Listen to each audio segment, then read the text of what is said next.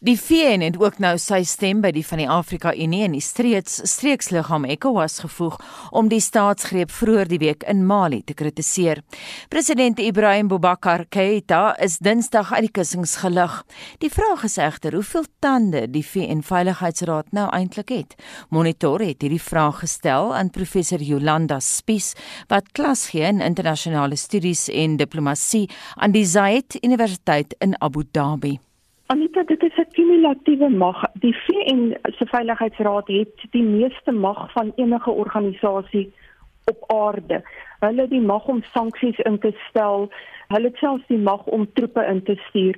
So wanneer die VN se Veiligheidsraad 'n besluit neem, dan luister lande. Maar in die geval van Mali moet ons kyk na die kumulatiewe situasie wat daar aan die gang is want dit is nie net die VN wat sy stem dik maak nie dit is ook Frankryk En Frankryk is die voormalige koloniale heerser van Mali en daar's baie Franse troepe op die grond in Mali en dit is ook die Afrika Unie waaraan Mali behoort en dit is ook ECOWAS. So hierdie soldate wat nou hierdie staatsgreep uitgevoer het. As hulle weet wat goed is vir hulle, dan luister hulle wanneer die groot manne praat. Watse soort stappe sou die VN en ander liggame kon neem? Ons weet nou byvoorbeeld dat die Afrika Unie vir Mali geskort het, maar wat sou die VN kon doen? Die VN probeer om sy aksies in Afrika baie nou te koördineer met die Afrika Unie en in hierdie geval ook met ECOWAS. ECOWAS is die regionale organisasie waaraan Mali ook behoort. Dis 'n organisasie met 15 lidlande. Het baie ervaring in Wes-Afrika in terme van vredesmagte en uh, konflikresolusie. So wat die Veiligheidsraad van die VN sal doen is in hierdie geval sal hy hom laat lei deur die advies wat hy kry uit Afrika uit. Dit gaan nie maar net uit New York uit voorgeskryf word aan Afrika nie. Maar wat hulle met ander woorde sal doen is om die sanksies wat ingestel word deur die Afrika Unie om dit te ondersteun en om gereed te wees as die Afrika Unie vra vir versterking om dit dan te oorweeg. Maar op hierdie stadium boonbehalwe waarskuwings en ekonomiese sanksies teen individue wat deelgeneem het aan die staatsgreep, sal die veiligheidsraad nog niks doen nie. Wat is die patroon in terme van strawwe wat die veiligheidsraad uitdeel as ons kyk nou na Afrika en staatsgrepe? Die veiligheidsraad gaan nie sommer net in Afrika inspring as dit nie in tandem is met wat reeds daar gebeur nie voordat ons die Afrika Unie gehad het, het ons die organisasie vir Afrika Eenheid gehad tot en met 2002 toe die Afrika Unie amptelik begin werk het. Die grondwet wat die Afrika Unie in plek gestel het, die Afrika Unie Constitutive Act soos hy genoem word, het die Afrika Unie meer magte gegee as sy voorganger wat die organisasie vir Afrika Eenheid was. En dit beteken die Afrika Unie het begin om lidlande te skors en dit is iets wat sy voorganger nooit van tevore gedoen het nie. En ons sien dat Afrika lande bang is vir daardie aksie van die Afrika Unie want dit beteken hulle word geïsoleer. Hulle word nie net geïsoleer op die Afrika kontinent nie.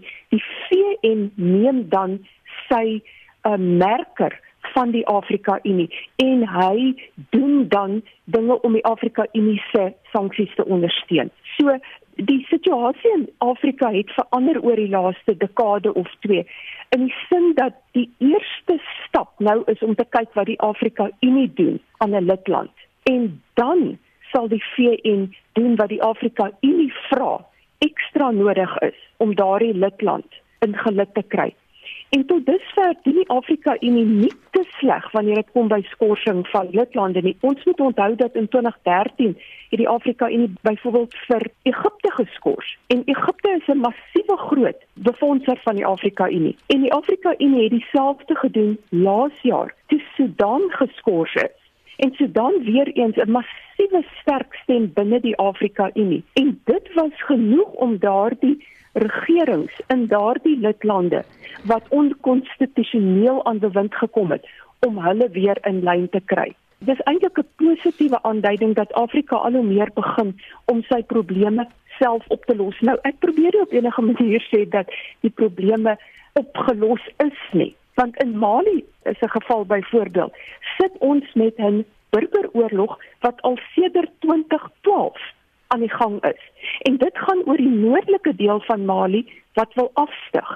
So die situasie in Noord-Mali is dat die Tuaregs wou afstyg en hulle eie staat met die naam van Azawad stig.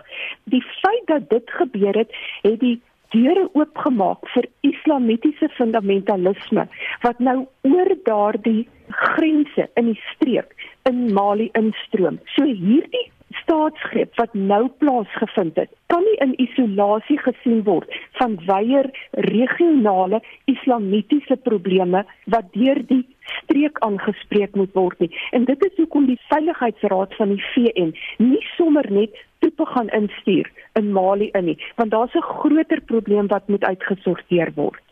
Dit dan die mening van professor Jolanda Spies wat klas gee in internasionale studies en diplomatie aan die Zayed Universiteit in Abu Dhabi en sy het gister die onderhoud aan Monitor toegestaan. En ons bly by die staatsgreep in Mali en praat nou met Liesel Louwoldra van die Instituut vir Sekuriteitsstudies in Pretoria. Goeiemôre Liesel. Moranita. Die staatsgreep leier kolonel Ismail Wag sê sy plan is nie om aan mag vas te klou nie, maar om binne 'n redelike tydperk, dis sy presiese woorde, 'n redelike tydperk 'n verkiesing uit te roep. Glo jy hom? Ja, Anita, ek dink ons moet maar baie versigtig wees met sulke verklaringe van ehm um, militêre leiers. Dit kan maande wees of selfs jare. Daar is onderhandelinge op hierdie stadium aan die gang tussen die ehm um, die militêre bewindhebers en van die oppositie en en burgerlike organisasies wat nou al vir maande lank sedert die 5de Junie vanjaar 'n uh, groot protesoptogte nou in Mali ehm um, geloods het om uh, van pres, uh, president uh, Ibrahim Boubacar Keita en hom IBK van uh, ontslae te raak. So uh verkiesings gaan moeilik wees in 'n baie in 'n kort tyd, maar ons kan verwag dat daar 'n oorgangsregering of 'n soort van 'n gemengde ehm um, onderhandelde ehm uh, uh, skikking kan wees. Soos in Sudan, soos professor Spies gesê het, was hmm. daar jy weet na die sanksies was daar toe 'n oorgangsregering wat deels bestaan het uit die protesgangers en dan nou ehm um, van die militêre leiers. Jy het nou verwys na professor Spies Liesel. Jy het ook na die onderhoud geluister met haar. Stem jy saam dat die VN nie sommer troepe Mali toe sal stuur nie? Ja, daar is al weer omtrent 15000 troepe in Mali van die VN Anita. Ehm um, daar is omtrent 5000 Franse troepe wat in Jamena uh, gebaseer is, maar wat waar wat eers, jy weet wat wat, wat oorspronklik in 2013 uh, eh, Mali toe gestuur is, so hulle probeer saam met die VN hierdie um, baie baie ernstige jihadis uh islamitiese bedreiging beveg.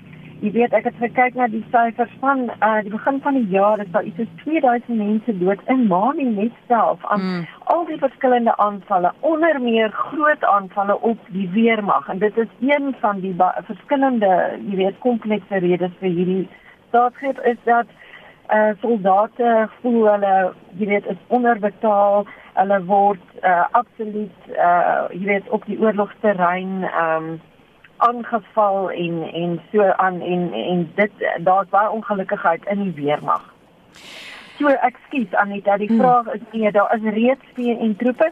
Ek stem saam met professor Spies dat daar uh die feit dat die VN um jy weet uh, ontmoet het en so vinnig opgetree het is belangrik. Mm. Uh, maar uiteindelik is dit die streeksorganisasie ECOWAS in die Afrika Unie wat die toon aangee. En pre uh, president Cyril Ramaphosa het in 'n verklaring as al die voorsitter gesê Mali is nou geskort uh jy weet wie mm. die staatsgreep. En die politieke wetenskaplike Marie Roger Bilou van die Africa International Media Group sê Keita se verwydering kom glad nie as 'n verrassing nie. Wat was die laaste strooi wat tot die politieke krisis gelei het volgens jou? Ja, ehm um, dit is baie maklik om te sê ja, ons was nie verbaas nie, maar dit is so dat die situasie was baie uh, gespanne. En ehm um, dit is op die spits gedryf deur hierdie besluit van die van die ehm um, grondwetlike hof eintlik om die, eh, die uitslae van die parlementêre verkiesing van vroeër vanjaar te verander sodat daar eh uh, voor sodat die ehm um, president dan voordeel trek en omtrent 30 van die ehm um, parlementslede wat verkies het, het hulle werk verloor. Jy weet, het hulle setels verloor. Mm. So van daar was groot ongelukkigheid rondom die onregverdigheid van hierdie uh parlementêre verkiesings en dan nou die feit dat daar grootskaalse korrupsie is vir al die president se seun. Ek weet mense het gesien net toe die staatsgreep gebeur het, dit uh, was daar foto's op Twitter van die die mense in Bamako wat in die president se seun se swembad ingevaar het en sy huis, jy weet, in geswem het en sy sy huis geplunder het. Daar's groot populêre ongelukkigheid oor die korrupsie in 'n brandarm land wat absoluut op sy knieë is weens uh die islamitiese bedreiging baie konflik ehm um, in in in in armoede in in dan nou ehm um, uh, jy weet 'n uh, werklike swak regering en en kolera met 'n verkiesing wat ons in ander Afrika lande ook sien maar dit lei nie na dit lei nie tot 'n staatsgreep nie so hmm. dit was hierdie absolute ehm um, jy weet 'n klomp faktore saam wat nou sê dat soos ek sê die 5de Maart uh, om ag uh, Junie en uh, hier dit nou so is is tot 'n punt gedryf Liesel sou die AU en ECOWAS nie vroeër betrokke kon geraak het by Mali se interne probleme en so die staatsgreep kon verhoed nie. Sou dit kon gebeur het? Ja, ek meen die die ECOWAS uh weet wat 'n baie sterker organisasie is eintlik as SADC as ons mens nou die twee moet vergelyk. Hulle het reeds van die begin af toe hierdie uh um protes betogings begin het, het hulle um afvaardigings gestuur onder leiding van um Nigeria se voormalige president Goodluck Jonathan. Daar was ek dink een of twee vergaderings in Bamako toe as daar virtuele vergaderings. Hulle het toe uh, 'n uh, oorgangsplan aan die betogers en en aan die regering voorgestel waar uh, jy weet daar ook soort van 'n regering van nasionale eenheid moet wees, maar die betogers self het absoluut daarop aangedring dat president IBK moet bedank. Mm. So hulle het vasgeskop. So ek dink in hierdie geval kan 'n mens nie sê en nou het ek was weer, jy weet, vergader gister verklaring van en so wat.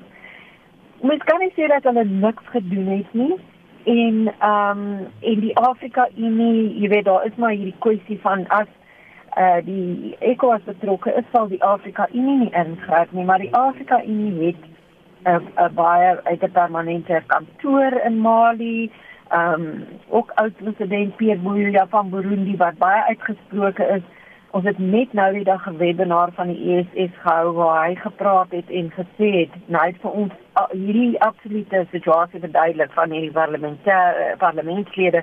Hy self het gesê hy is baie bekommerd wat die internasionale gemeenskap ook gedoen het is is is hy het verduidelik hulle het in Bamako het hulle al die ambassadeurs en soort van 'n internasionale uh groep mense daar in in uh in Bamako wat gereeld vergader. So jy weet, uh, ek dink almal uh die meeste internasionale rolspelers was bewus van hierdie absolute kritieke situasie. Ek dink die groot vraag en die interessante vraag is nou um jy weet, hier het jy 'n situasie van mense wat die verkiesing word uh, daar word gekom met verkiesing. So wat moet hulle dan doen om ontslae te raak van hulle leiers wat korrup is?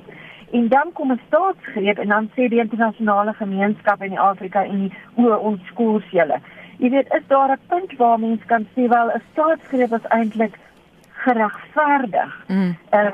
uh, uh waarskynlik jy weet, ek bedoel ehm um, ek ek sou nie daarmee saamstem nie, maar dit is 'n interessante debat dat uh, jy weet uh die en ek dink almal jy weet mense in Afrika is bewus daarvan dat hulle hulle hulle dring aan in hierdie stadium dat president IBK vrygelaat moet word want hy's in aanhouding mm -hmm. in hierdie weermag kamp.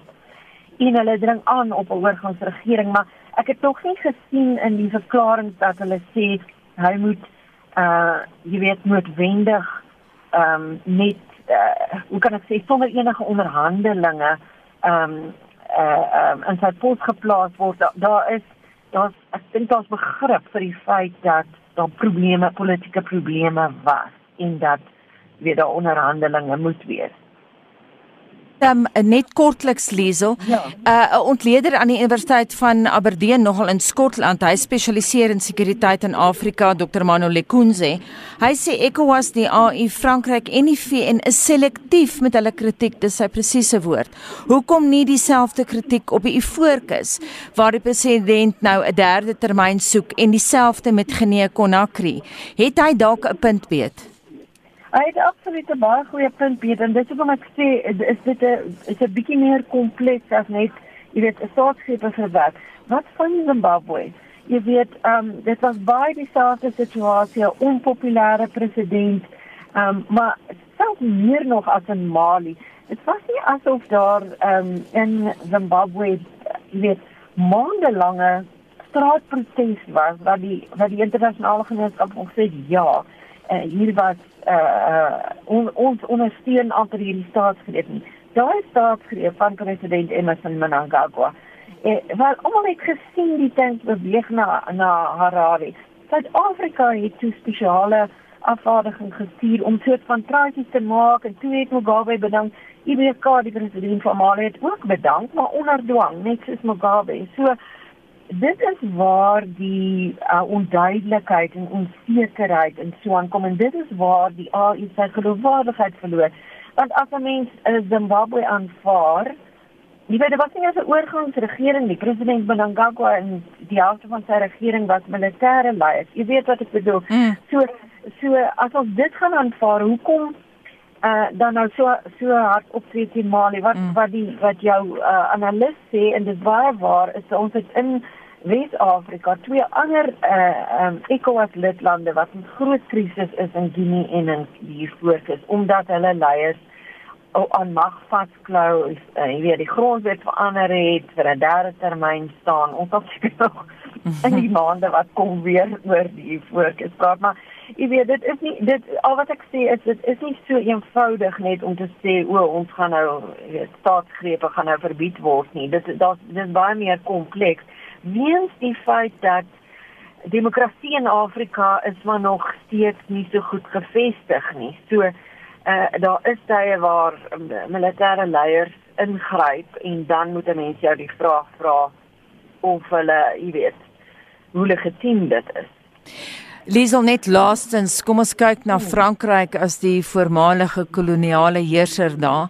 Frankryk het vroeër die week samesprekings gevoer met Niger oor die gebeure in Mali. Wat het daar uitgekom? Ja, uh, Niger is nou in hierdie staan in die voorsitter van ECOWAS. Um, Frankryk soos ek sê het baie invloed baie en het baie troepe in die streek. Frankryk um, uh is maar ook uh skrikkerig om uh nie gesien te word as 'n neokoloniale mag nie. So die eerste verklaring wat ons gekry het was hulle het ehm um, die Afrika Unie en ECOWAS ondersteun in hulle verwerping van die staatsgreep, maar enige onderhandelinge of so ons kan verwag dat daar agter die skerms uh, met Frankryk ook uh jy weet uh, Frankryk sal ook betrokke wees in die wandelgange ten minste om uh jy weet 'n oplossing te probeer vind vir die vir hierdie kwessie. Baie dankie dit dan die mening van Liesel Louwel dra van die Instituut vir Sekuriteitsstudies in Pretoria. Jy luister na Monitor elke weekoggend tussen 6 en 8. 7:30 die hoofnuus gebeure laboratoriumpersoneel verbonde aan die vakbond NHAU begin vandag met 'n plakkaatbetoging by die kantoor van die nasionale gesondheidsdiens in Johannesburg in aanloop tot die beplande staking aanstaande maand. Leon van Hoop kry vandag hulp met sy fliekrubriek van 'n 6-jarige luisteraar wat 'n kinderfliek saam met hom bespreek. Hallo oom Leon, my naam is Richard en ek hou ook baie van flieks. Bye. Luister of hy met Leon se mening van Latte and the Magic Waterstone saamstem en Eskom sê geen beerdkrag sal meer vandag ingestel word nie. Bly ingeskakel.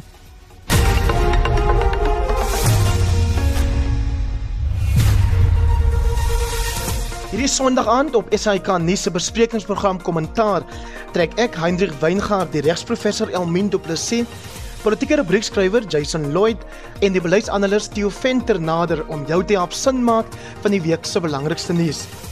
Ons bespreek onder meer die eerste week van vlak 2 van die COVID-19 inperkingsmaatreëls of skole gereed is om maandag te heropen, die Black Lives Matter omstredenheid in rugby en cricket en die Amerikaanse presidentsveldtog. Dis kommentaar Sondag aand om 8uur net hier op RSG. Daar is geen verkeer. In Gauteng, Isando, is daar stadige verkeer op Barbary weg tussen Noordrifweg en Trekstraat. Verkeersligte is buite werking in Pretoria op die hoek van Nelson Mandela Rylaan en die Fonteine Sirkel, ook in Akasia op die hoek van die R80 en Bremerweg. In die Wes-Kaap berig Metrorail dat al, al hulle treine in werking en op skedule is. In Stellenbosch is die botsing tussen die hooftoegangsroete en Simfonieweg in die rigting van die R300 nou opgeruim. Ek is Anne Marie Jansen van Vieren vir RSC verkeer. Indien jy vir ons 'n wenk wil stuur, SMS 45889. Onthou dit kos R1.50. Baie empatie vanoggend van ons luisteraars nadat uh, Nikki de Wit haar storie vertel het sy se verpleegster wat vertel het hoe bang sy was of hoe bang sy nog steeds is om werk toe te gaan. Ek moet sê dis 'n aangrypende kommentaar vanoggend ST. Heelwat Anita Jake skryf vir ons sterk aan al die frontline werkers, julle werk word hoog op prys gestel. Jake skryf iemand wat hy ken het ook positief getoets en sy is op haar 14de dag opgeneem in die hospitaal weens die virus. Hy sê met die Here se genade is sy amper gesond en terug by die werk. Annetjie sê ek is 'n ma van 'n gesondheidswerker en baie bekommerd oor my kind. As 'n familielid van so iemand is dit stresvol. Ek het na Nikkie geluister. Onthou ons is trots op jou en bid vir alle gesondheidswerkers. 'n Anonieme luisteraar skryf ook as 'n eerste linie werker wat in 'n huis vir bejaardes werk, dis 'n reuse uitdaging vir iemand vir hierdie mense om bejaardes te versorg. Ons doen ons uiterste bes om hulle uit die hospitale te hou. Neil van Pretoria sê ek wil graag vandag een van die voorste linie werkers prys. Ons aptekers. Meeste mense gaan eers apteek toe voordat hulle dokter toe gaan. Ons aptekers doen pypwerk en staan heel voor in die stryd. Ek salieer julle. En dan sê Larry Grywenstein, ons salieer julle. Dankie vir julle onbaatsigtige diens. En Martin Hansen skryf: My hart is by al die verpleegsters. Ek het 'n peetsussie wat 'n verpleegster is en ek kan my net indink die hel waardeur hulle moet gaan. Ons praat vandag en vra vir ons luisteraars as jy 'n eerste linie werker is soos 'n dokter, verpleegster, 'n paramedikus, dalk 'n polisieman of enige iemand wat in daai um, beroepe werk, laat weet vir ons wat jou ervaring tot dusver was tydens die pandemie. En as jy so 'n persoon ken, Wat dink jy van hierdie mense wat wel hulle lewens moet waag? Stuur vir ons 'n SMS na 45889. Onthou dit kos R1.50. Gesels saam op ons Facebookblad by facebook.com vorentoe skynstreep ZARSG of WhatsApp vir ons stemnota na 076 536 6961. Formule 1 motorwedrenne geniet die naweek 'n blaaskans, maar die MotoGP renjaer sal soos die vorige 2 weke weer op hulle motorfietsse wees. Nou die man wat ons daaroor gaan vertel is Pieter van der Berg. Goeiemôre Pieter. Goeiemôre Anita. Jy kan maar begin daar met uh, Formule 1 motorwedrenne. Verlede week uh, wil jy eers daarmee begin of gaan ons sommer nou na die golf toe? Nee, ek kom ons gesels oor die motorwedren. Ek dink dit is baie belangrik met Suid-Afrikaanse Brad Binder wat natuurlik uh, heeltemal in die uh, kollig is op die oomblik. Dit is uh, die MotoGP manne wat hierdie naweek weer in aksie sal wees op hulle groot uh, perde en dit is Suid-Afrikaanse Brad Binder wat natuurlik twee weke gelede die Tsjechiese Republiek se MotoGP gewen het en verlede naweek daar in Spielberg by die Oostenrykse MotoGP het hy vierde geëindig en dit was nadat hy 9 17de weggespring het. Nou die eerste oefensessie word vandag gejaag en môre sal die kwalifikasie plaasvind om die wegspringrooster te bepaal. Kom ons loop net weer vinnig aan net aan daardie punte leer. Fabio Quartararo, hy's voor op sy Yamaha met 67 punte, dan Andrea Dovizioso op 'n Ducati, hy's tweede met 56 en natuurlik Suid-Afrikaanse bereidbinder nou in die vierde plek, hy't 41 punte. Verlede naweek het Jacques Kruiswyk met 'n 14de plek in Wallis die beste van die Suid-Afrikaners daar gevaar. Dis nou golf. Waar is hierdie week se golftoernooie, Pieter? Ja, natuurlik hier plaaslik is dit in Suid-Afrika waar die sonskyn reeks hierdie week hervat is. Nou die Betaway Kampioenskap word daar op die Kilani buiteklub gespeel in Johannesburg en na gister se tweede ronde is dit Alex Heidel wat die voorloper is op 300 syfer. Hy het dit 67 gespeel in daardie eerste ronde. Anton Hey, hy is alleen in die tweede plek op 200 en Ulrich van der Berg en Adolfo da Silva, alles beide op 100. Dan in Europa is dit uh, Die wal is oop wat in Newport afgehandel word. Die eerste ronde daar is voltooi Jordan Smith en Connor Syme. Hulle is gesamentlik voor op 500 syfer. Drie Suid-Afrikaners goed geplaas op 100. Dis uh, Louis de Jager, Brandon Stone en Justin Harding. En dan in Amerika word die Northern Trust Golf Toernooi in Boston gespeel. Uh, Harris English, Kevin Streelman, Cameron Davis en Russell Henley almal op 700 gesamentlik in die eerste plek. En 'n uh, goeie nuus vir Suid-Afrika, Louis Oosthuizen, hy is daar in die vyfde posisie, net 1 nou agter die voorlopers op 600. En dan in die LPGA reeks, dit is die IAG vir vroue oop wat in Skotland afgehandel word. Hulle speel daar op Troon. Die voorloper is Amy Olsen na die eerste ronde. Sy is daar op 400 syfer en goed geplaas Suid-Afrika se Leanne Pace. Anita, sy is in die 4de plek gelyk aan syfer. Die tweede krieketoets tussen Engeland en Pakistan het toe net soos wat jy maandagooggend in monitor voorspel het onbeslis geëindig en nou lê die derde toets voor. Wil jy weer in jou kristalbal kyk Pieter? Ja, wie um, ek moet vir jou sê baie interessant is gister is die speel reël selfs aangepas. Dit beteken dat hulle 10:30 Britse tyd vandag gaan begin speel.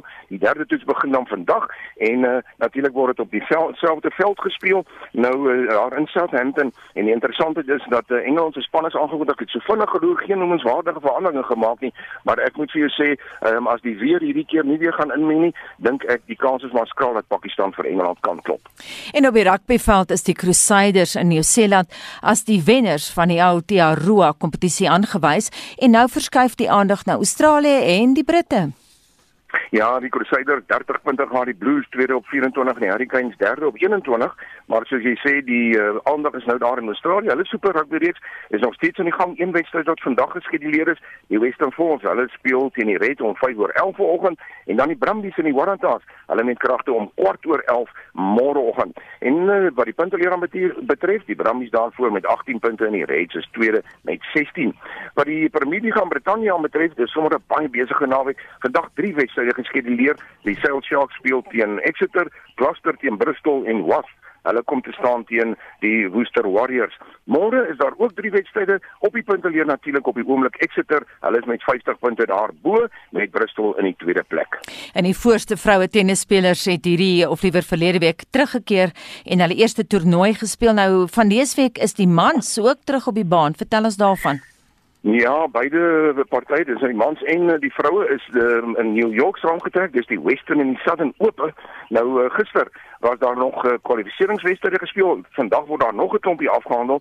Belangrik vir Suid-Afrika, Lloyd Harris. Hy moet nog een kwalifikasiewedstryd vandag wen, dan word hy tot die hooftoernooi uh, to, to, uh, toegelaat.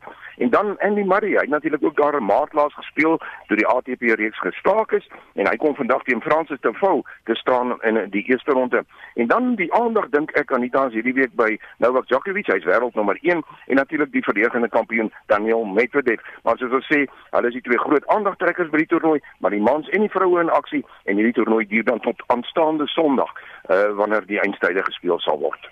Op die sokkerveld is een wedstryd gisteraand in die plaaslike Premier Liga gespeel en baie aksie lê nog hierdie naweek voor. Hmm, gisteraand se uh, kragmeting waarna hy verwys, Stellenbosch het Cape Town City met 1-0 geklop en dan vandag is daar drie wedstryde geskeduleer. Golden Arrows teen Black Leopards om 0:30 vanmiddag, Wits teen AmaZulu om 0:30 en dan om 6:00 vanaand Manchester United teen Mamelodi Sundowns. En die Hyfase Europese Liga speel Sevilla teen Internasionale en dit is uh, vanaand Suid-Afrikaanse tyd en uh, môre in die Premier Liga nog uh, twee wedstryde geskeduleer en dan Anita Sondag is daar ook twee wedstryde. En dit was ons sportmedewerker Pieter van der Berg. Dis 7:40.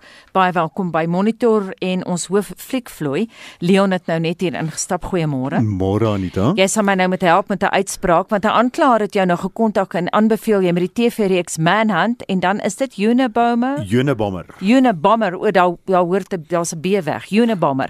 Kyk, nou sy het gesê dis baie goed en Stem jy saam? Wel Manhunt Unabomber vervul jou met grieselrige vrees en hou jou vasgenaal. Dit is natuurlik op die waarheid gebaseer en al smokkel dit soms met die ware feite, is dit so boeiend gedramatiseer dat dit voel of jy na 'n vreesaanjaende drama kyk wat jou aan die skerm vasboei.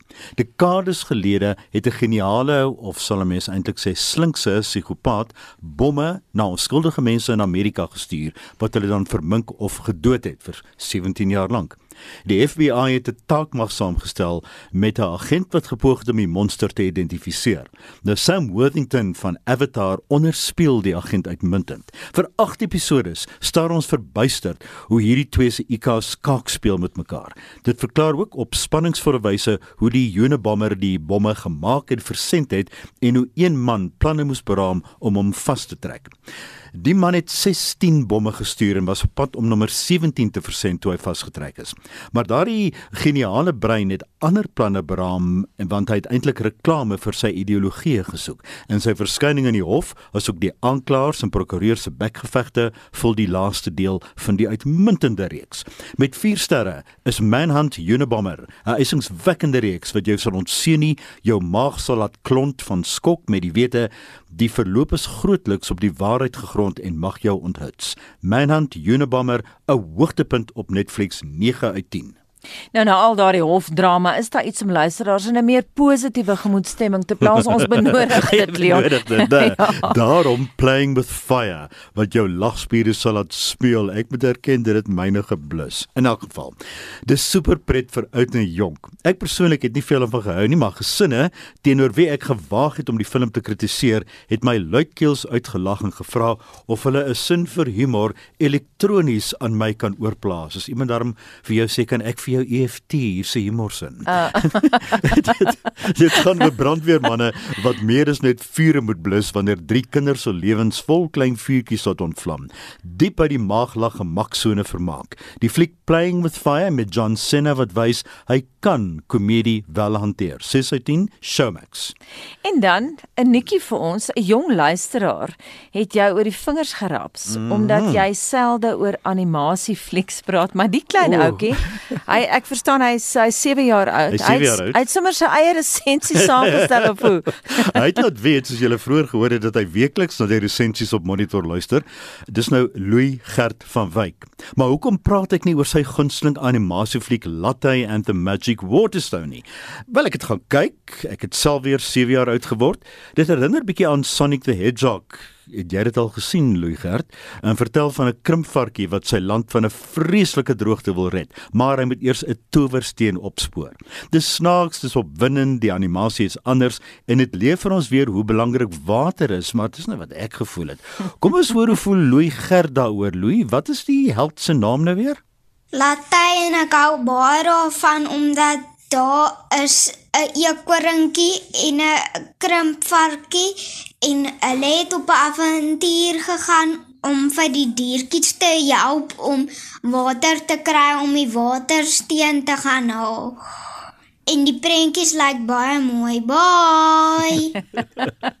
Baie lief gehad. Want hier het ons eintlik 'n ontluikende jong jongeres en sent. Jy weet, ek het so begin as ek na films gaan kyk het saam met my ouers. Uh. Het ek op die agterste sitplek van die motor gesit en as ons huis toe ry, het ek die hele tyd die film gesit en resenseer tot my ma en my later stil gemaak het en gesê het, jy weet, moet as hou net asseblief op. op. Ons weet nou. ons wil nie meer saam met Leon gaan fliek nie. Lees die resensies op erisgep.co.za dan klik jy op fliekrubriek. Daar kan jy ook sien hoe ons jonger resensent Louis Gert van Wyk lyk. Volgende week nuus oor Rolprent Theaters wat eerskomende Vrydag open. Anita, ek kan dit sê, Donderdag gaan ek vir die heel eerste keer weer na 'n uh, Rolprent Theater of bioskoop toe oh, in 5 maande en dan kan ek vir julle sê wat gebeur alles. Nou ja, jy en ek ken mekaar goed en baie lank en ek moet jou vra voor ek jou laat gaan. Is jy benoud oor die kompetisie van hierdie nuwe jong? Ek ek is nogal hoor. Ek dink ek dink ja, veral met animasieflieks. Hy kyk animasie natuurlik heeltemal uit 'n ander oogpunt as ek. baie dankie. Dit ons hoof fliekvloei Leon van Nierop. Dis kwart voor 8. Ons het reeds vanoggend op monitor berig oor die staatsgreep in Mali en die demokratiese konvensie in die FSA en hier is Annelie Jansen van Vuren met 'n paar ander wêreldbrokkies van die dag. En ons begin in Europa by 'n storie waaroor ons vlugtig gister berig het. Baie belangrike storie vanoggend dra uh, Sky en BBC baie nuus daaroor baie ontleding en uh, dit lyk vir my in sommige gevalle is dit net aan die kant van laster want Putin word erg aangeval. Vladimir Putin se grootste kritikus, Alexei Navalny, is na bewering vergiftig nadat hy tee gedrink het en uh, wat is die heel nuutste daaroor Anne Marie? Anita Navalny is steeds in 'n koma in 'n hospitaal in Siberië, maar 'n lugambulans het intussen uit Berlyn vertrek om hom te gaan haal om in Duitsland behandel te word.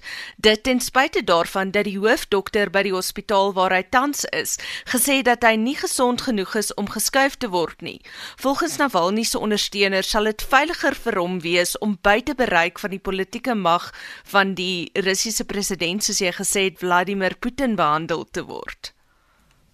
Ons het vroeër gepraat oor die Amerikaanse verkiesingsstryd en nou het Joe Biden sy toespraak gelewer waarin hy amptelik sy nominasie as demokratiese verkiesingskandidaat aanvaar het en uh, vertel ons 'n bietjie meer daarvan.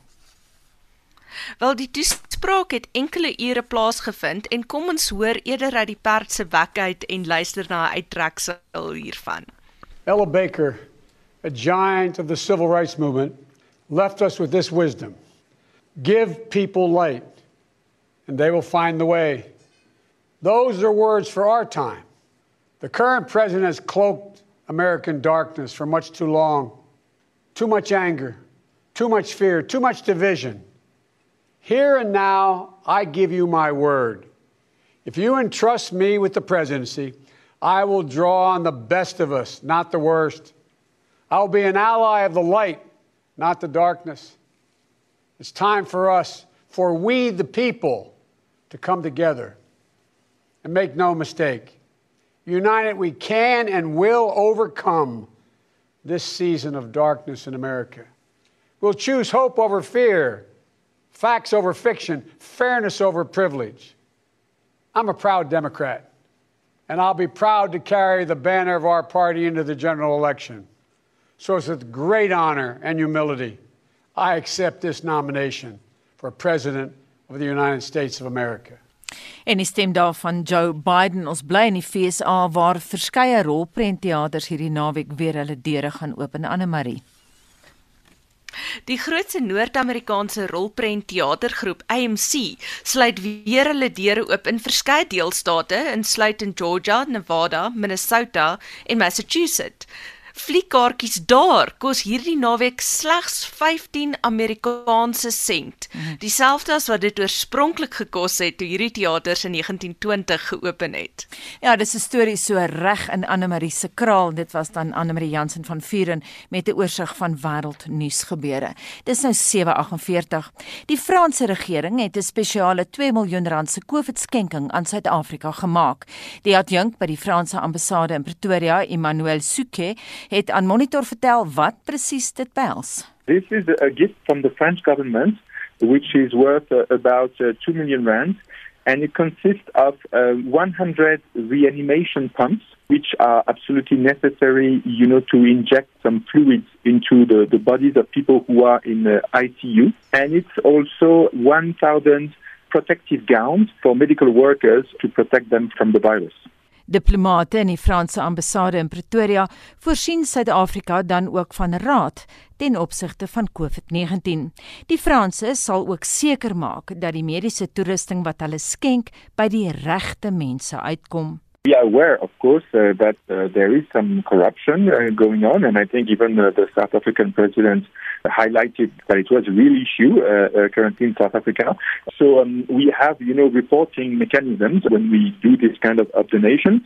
We have been in close coordination with the South African Department of Health to both identify their needs to fight COVID-19, and uh, we uh, follow up with the Department of Health the uh, exact location and people this donation will, will benefit. We plan to have a handover ceremony in a hospital in the coming days will uh, identify exactly the health workers that this donation is going to. Die COVID-19 pandemie het die Franse ambassade, soos ander in Suid-Afrika, genoop om sy modus operandi aan te pas by die veranderende tye. We had to change our, our job actually. We, we do a, a brand new job, which is also exciting because it's very different. Of course, you know, uh, the primary activity of an embassy is to meet people, to create bonds and links between two countries and South Africans and French people. Of course, this is much more difficult, but we also have been quite innovative. We meet people through, uh, you know, webinars, uh, through uh, video conference and over the phone, of course. And we have, of course, shifted our activity much more towards helping the South African government fight this pandemic and also, you know, help manage the different relationship that we have between France and South Africa when it comes to the current exception regulations. Marusa Emmanuel Suke, Parys se verhouding met Pretoria beskryf. You know, I think it's really doing good and it has even improved during this COVID 19 crisis. I think our two presidents, actually, President Maposa and President Macron, share a common vision of how the world balance should be. This crisis has showed that we definitely need more international cooperation, more multilateralism. And France and South Africa deeply believe, and our two presidents deeply believe, that we need more multilateralism in this world. When it comes to thinking about drawing lessons from this crisis on the global stage and how to strengthen the WHO to prevent further crises of that kind. En in pas met hulle filosofie het die presidente van Suid-Afrika en Frankryk in April juis 'n spesiale inisiatief geloods. The Access to COVID-19 Tools Accelerator Initiative It is supported by the European Union, by the African Union, by the United Nations, and this initiative aims at providing countries who have the greatest needs to provide them with tests, treatments, and vaccines when they are ready, and to give these countries priority when it comes to providing this kind of equipment. En dit dan die diplomaat en nommer 2 by die Franse diplomatieke missie in Pretoria, Emmanuel Suke, wat gister met my gepraat het.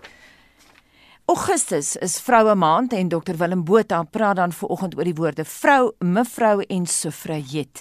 Dr Botha as hoofredakteur en uitvoerende direkteur van die Woordeboek van die Afrikaanse taal. Daar is toenemend 'n beweging weg van vroulike persoonsname soos redaktrise, skryfster en onderwyseres. En voorkeur word aan die manlike vorm vir albei geslagte gegee. Grafin, prinses en koningin lyk darm veilig. Die Duitse vrouens skop egter vas en dring juis daarop aan dat die vroulike forme wat hulle van mans onderskei gebruik word. Stemreg is iets waarvoor vroue lank moes veg. Die stryd om stemreg is in Brittanje begin deur die suffragette, lede van 'n militante vroubeweging wat in die vroeë 1900s vir stemreg vir vroue gestry het. In Afrikaans is daar ook op herhalende wyse na hulle verwys as stemjuffers.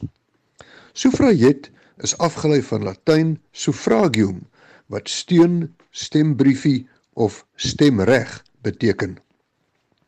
Ellis Paul, 'n Amerikaanse suffraget, moes in 1917 8 maande tronkstraf uitdien vir haar deelname aan 'n vroueregte betoging in die stad Washington. Britse vroue bo 30 jaar het in 1918 stemreg gekry. Nederlandse vroue in 1919 en die Amerikaanse vrou in 1920. Die eerste vroulike parlementslede is egter reeds sinds 1907 in Finland verkies. In Nieu-Seeland kon vroue reeds in 1893 stem, maar vroue mag nie vir die parlement gestaan het nie. In Swede is voorwaardelike stemreg vir vroue reeds in die 1700s toegeken. In Frankryk 1944, Italië 1946, Griekeland 1952 en Monaco 1962 moes vroue heelwat langer wag. Verrassend genoeg kon Switserse vroue eers in 1971 en dan ook slegs op federale vlak stem. Vrouens van Saudi-Arabië mag darm vanaf 2018 motor bestuur. Hoor ek leenstoel renjaer mans wat sê dit is nou nêrens in die wêreld meer veilig op die paaie nie? Augustus is vroue maand en op 14 Augustus het ons Taaldag gevier. Ons het monumente in Bloemfontein en in die Parel vir onderskeidelik die vrou en Afrikaans. Maar laat ons reg geskied aan vrouens en aan Afrikaans. En die man wat daai vraag vra is Dr Willem Botha, hy is hoofredakteur en uitvoerende direkteur van die Woordeboek van die Afrikaanse taal. En onthou as jy 'n woord wil koop of borg, besoek www.wat.co.za of Google eenvoudig borg 'n woord. Daar is geen verkeer. In die Wes-Kaap is daar betogings op Baden-Powellweg by Khayelitsha. Die pad is gesluit en verskeie ooggetuies op Twitter waarsku motoriste om hierdie omgewing te vermy. Op die N2 uitwaarts is hulle besig om 'n botsing by Sir Laurie's Pas op te ruim. Die verkeersowerhede laat weet egter dat dit in die noodbaan is en dat al die bane nog oop is vir verkeer. In KwaZulu-Natal staan 'n swaar voertuig stil op die N3 ooswaarts net voor die M7 afrit. Die linkerbaan is toegemaak. Steeds in KwaZulu-Natal op die N2 noordwaarts was daar 'n ernstige botsing op die N2 net na die Kloete kruising en die regterbaan is hier gesluit besluit. Ek is Anne Marie Jansen van Vieren vir RSG verkeer. 756 en 'n laaste kans aan luisteraars om hulle sê te sê. Ek is 'n verpleegkundige by die Booth Memorial en ons dien in liefde. Dit is 'n plesier en met die Here se genade dien ons in liefde met 'n glimlag om 'n verskil te maak in mense se lewens. Môre RSG en luisteraars. Ek dink mense besef nie wat regtig baie keer agter die die skerms aangaan as ek so kan stel nie. Um ek se werk vir 'n lugverkoelingsmaatskappy en ons moet seker maak die die, die masjiene is skoon en die filters word gewas waar al die riekieme goed opgevang word. En dan kry jy jou um jou maintenance ouens wat ook aan hierdie sale moet gaan. Ons werk elke dag aan hierdie sale waar hierdie mense siek lê en dit is weet baie traumaties om te sien hoe lê 'n ou op 'n ventilator en goeters en weet môre is hy net nie daar nie. So mense moet regtig besef COVID-19 vat lewens. So wees net veilig. Ek is 'n frontline worker, ek is 'n trauma suster by 'n staatshospitaal. Ek het die COVID opgedoen 4 dae nadat ek twee positiewe pasiënte gewerk het. Dit is regtig baie erg. Ek het dit baie erg gehad. Ek was in die hospitaal jy kry nie asem nie. Daar's al daar's nie net simptome van seerkeel en hoes en sulke goed nie. Nee, daar's baie ander dingetjies by. Ja, so ek vra wees veilig mense. Wees versigtig. Die siekte is 'n werklikheid en ons het nog 'n lang pad wat ons moet vat om dit heeltemal te beveg. Maar ek glo God is met ons en hy dra ons deur. Is dit En dan skryf 'n Bloemfonteiner Anita baie dankbaar vir familie wat herstel het, maar dis baie seer om vandag afskeid te neem van 'n gesondheidswerker wat gesterf het weens COVID. Mag God al hierdie engele beskerm. Elna sê ons dogter bestuur 'n huis vir bejaardes. Sy en haar personeel is eerste linie werkers. Fisies en emosioneel is dit baie moeilik, maar hulle doen wonderlike werk. Ons is trots op hulle. 'n Anonieme apteker laat weet, ek weet van 3 aptekers in privaat praktyk wat gesterf het weens COVID-19. Respekteer ons aptekers wat heel voor in die speel in die speelvuur staan.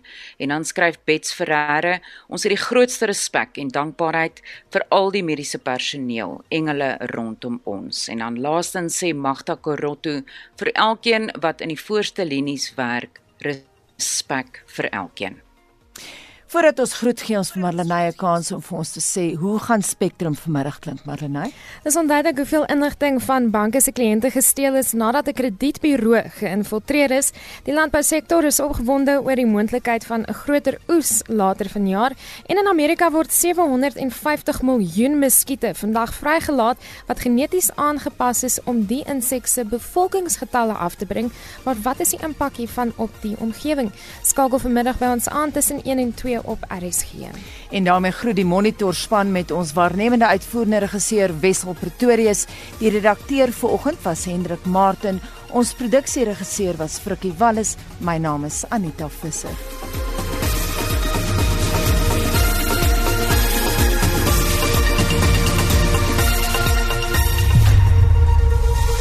Esai Kahnis. Onafhanklik, onpartydig